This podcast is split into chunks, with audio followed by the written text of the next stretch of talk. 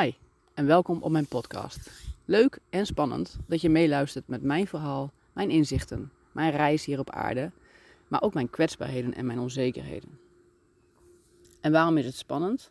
Omdat ook ik mijn eigen reis te doen heb. En door mijn verhaal te delen met jou, hoop ik jou te inspireren om hetzelfde te doen. Om te gaan staan voor je waarheid, om te gaan verbinden met het hogere in jezelf. En om te voelen dat je zo verschrikkelijk veel meer bent dan alleen die mens en dat stukje ego hier op aarde. Laten we elkaar inspireren om de spirit in onszelf weer toe te laten. Om onszelf te herinneren en elkaar te herinneren aan wie we werkelijk zijn. Luister je mee naar de volgende aflevering? Goedemorgen. Oh, Oh, de directie. Uh, ik, uh, je zal je misschien afvragen, wat heb jij gedaan? Nou, Misschien heb je mijn uh, podcast-aflevering gehoord. Daarin vertel ik over mijn uh, implantaat ingreep, mijn kaakingreep van gisteren. Ik heb een, uh, voortand, die mis ik al inmiddels, weet ik veel, een half jaar of zo. En ik heb gisteren een implantaat erin gekregen. En dat was best wel een operatie, kan ik je vertellen. En je ziet dat het nogal opgezwollen is. Nou, het is al een stuk minder dan gisteren. Dus je kunt je een beetje voorstellen hoe ik er gisteren uitzag. En ehm, ik heb het best wel onderschat, de hele ingreep. Uh, of eigenlijk is het gewoon een operatie. Het is echt een operatie. Uh, maar ondertussen kijk ik inmiddels ook zo naar de werkelijkheid dat ik me heel goed realiseer dat ik op deze planeet ben gewoon om te ervaren. En wat er ook te ervaren is, dat is een ervaring. Alles is een unieke ervaring.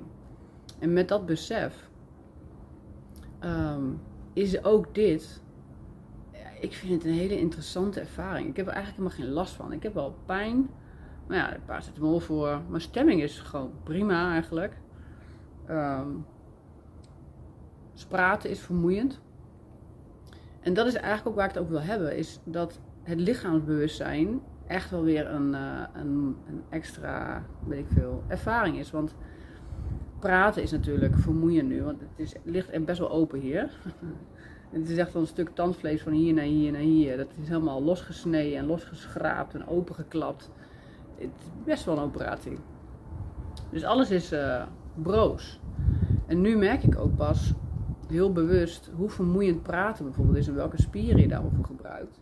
Maar ook, ik was net bezig in de keuken um, om uh, stapjes te maken met een centrifuge. En wat ik dan doe is ik snij groenten en ik gooi het in het apparaat. Maar ik voel gewoon iedere 10 seconden dat mijn kaak uh, vermoeid voelt.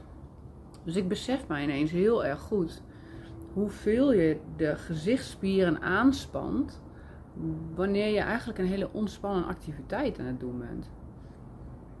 En um, ja, sorry, ik moet de hele tijd aanzitten als ik praat, want ik, het voelt uh, als een ondersteuning, zeg maar, als ik eraan zit. Eigenlijk zou ik zo moeten praten. Um, en plus waar mijn reis sowieso in het leven de hele tijd steeds meer over gaat, is mezelf laten zien. En, en mijn verhaal delen met de wereld. En natuurlijk zegt het ego ook, wacht eerst maar even tot je gezicht weer klaar is met zwelling. En dan kun je weer een beetje normaal in beeld. Maar dat is ook precies waar het over gaat. Ik hoef niet normaal in beeld, want dit is mijn normaal op dit moment dit is wie ik ben. En de boodschap die ik te brengen heb is net zo waardevol als de boodschap die ik over een week te brengen heb. Dus het is vooral nu een boodschap aan mezelf, om mezelf te laten zien. Ook een boodschap aan jou. Om, wat vind jij mij nu heel stom, omdat ik er zo uitzie? Ik denk dat er vooral een aantal mensen zijn die zeggen zo, dat is dapper. Ik zou in ieder geval dat denken. Dus ja, het is alleen maar leuk en cool en interessant. Plus, um, waar dit stukje ook voor mij over gaat, is ik was gisteren wel zo opgezwollen dat het voor mij bijna voelde alsof het gezicht niet van mij was, alsof het een ander gezicht was. En ik ben heel bewust ook juist naar de supermarkt gegaan uh, om wat eten te halen. Want waar ik misschien uh, een, aantal jaren geleden dat niet had gedaan, dat ik me had geschaamd voor hoe ik eruit zie en wat zullen mensen niet denken. En dat dit stemmetje daarboven in het ego, dat gaat alleen maar kritiek afvuren. Nu ben ik expres naar de supermarkt toe gegaan om te ervaren hoe dat is. En natuurlijk weet ik niet hoe het is dat als, jij, als je geboren wordt met een gezicht wat helemaal uit de plooi is, om het zo maar te zeggen, En je wordt constant aangestaard. Dat is een hele andere ervaring dan ik nu. Maar ergens heb ik wel het gevoel dat het, dat het een soort van, nou ja, erop lijkt, zeg maar. Een beginnende.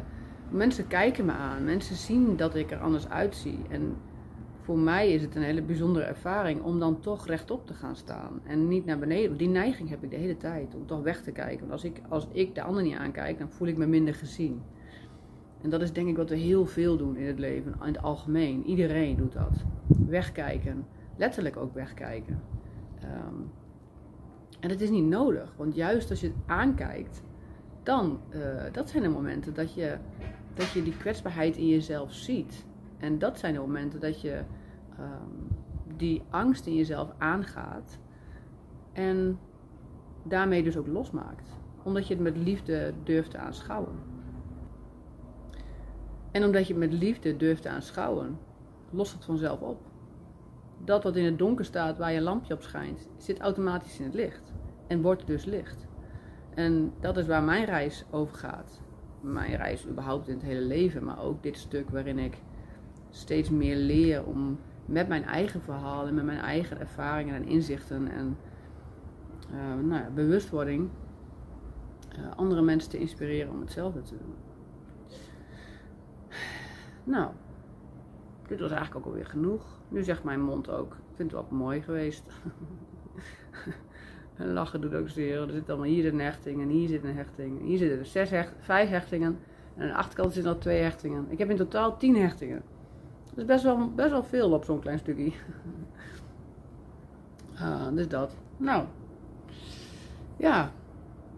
Dat wilde ik vooral even delen. En ook met mezelf. Als ik over tien jaar die terugkijk, is dat leuk. Lijkt me leuk.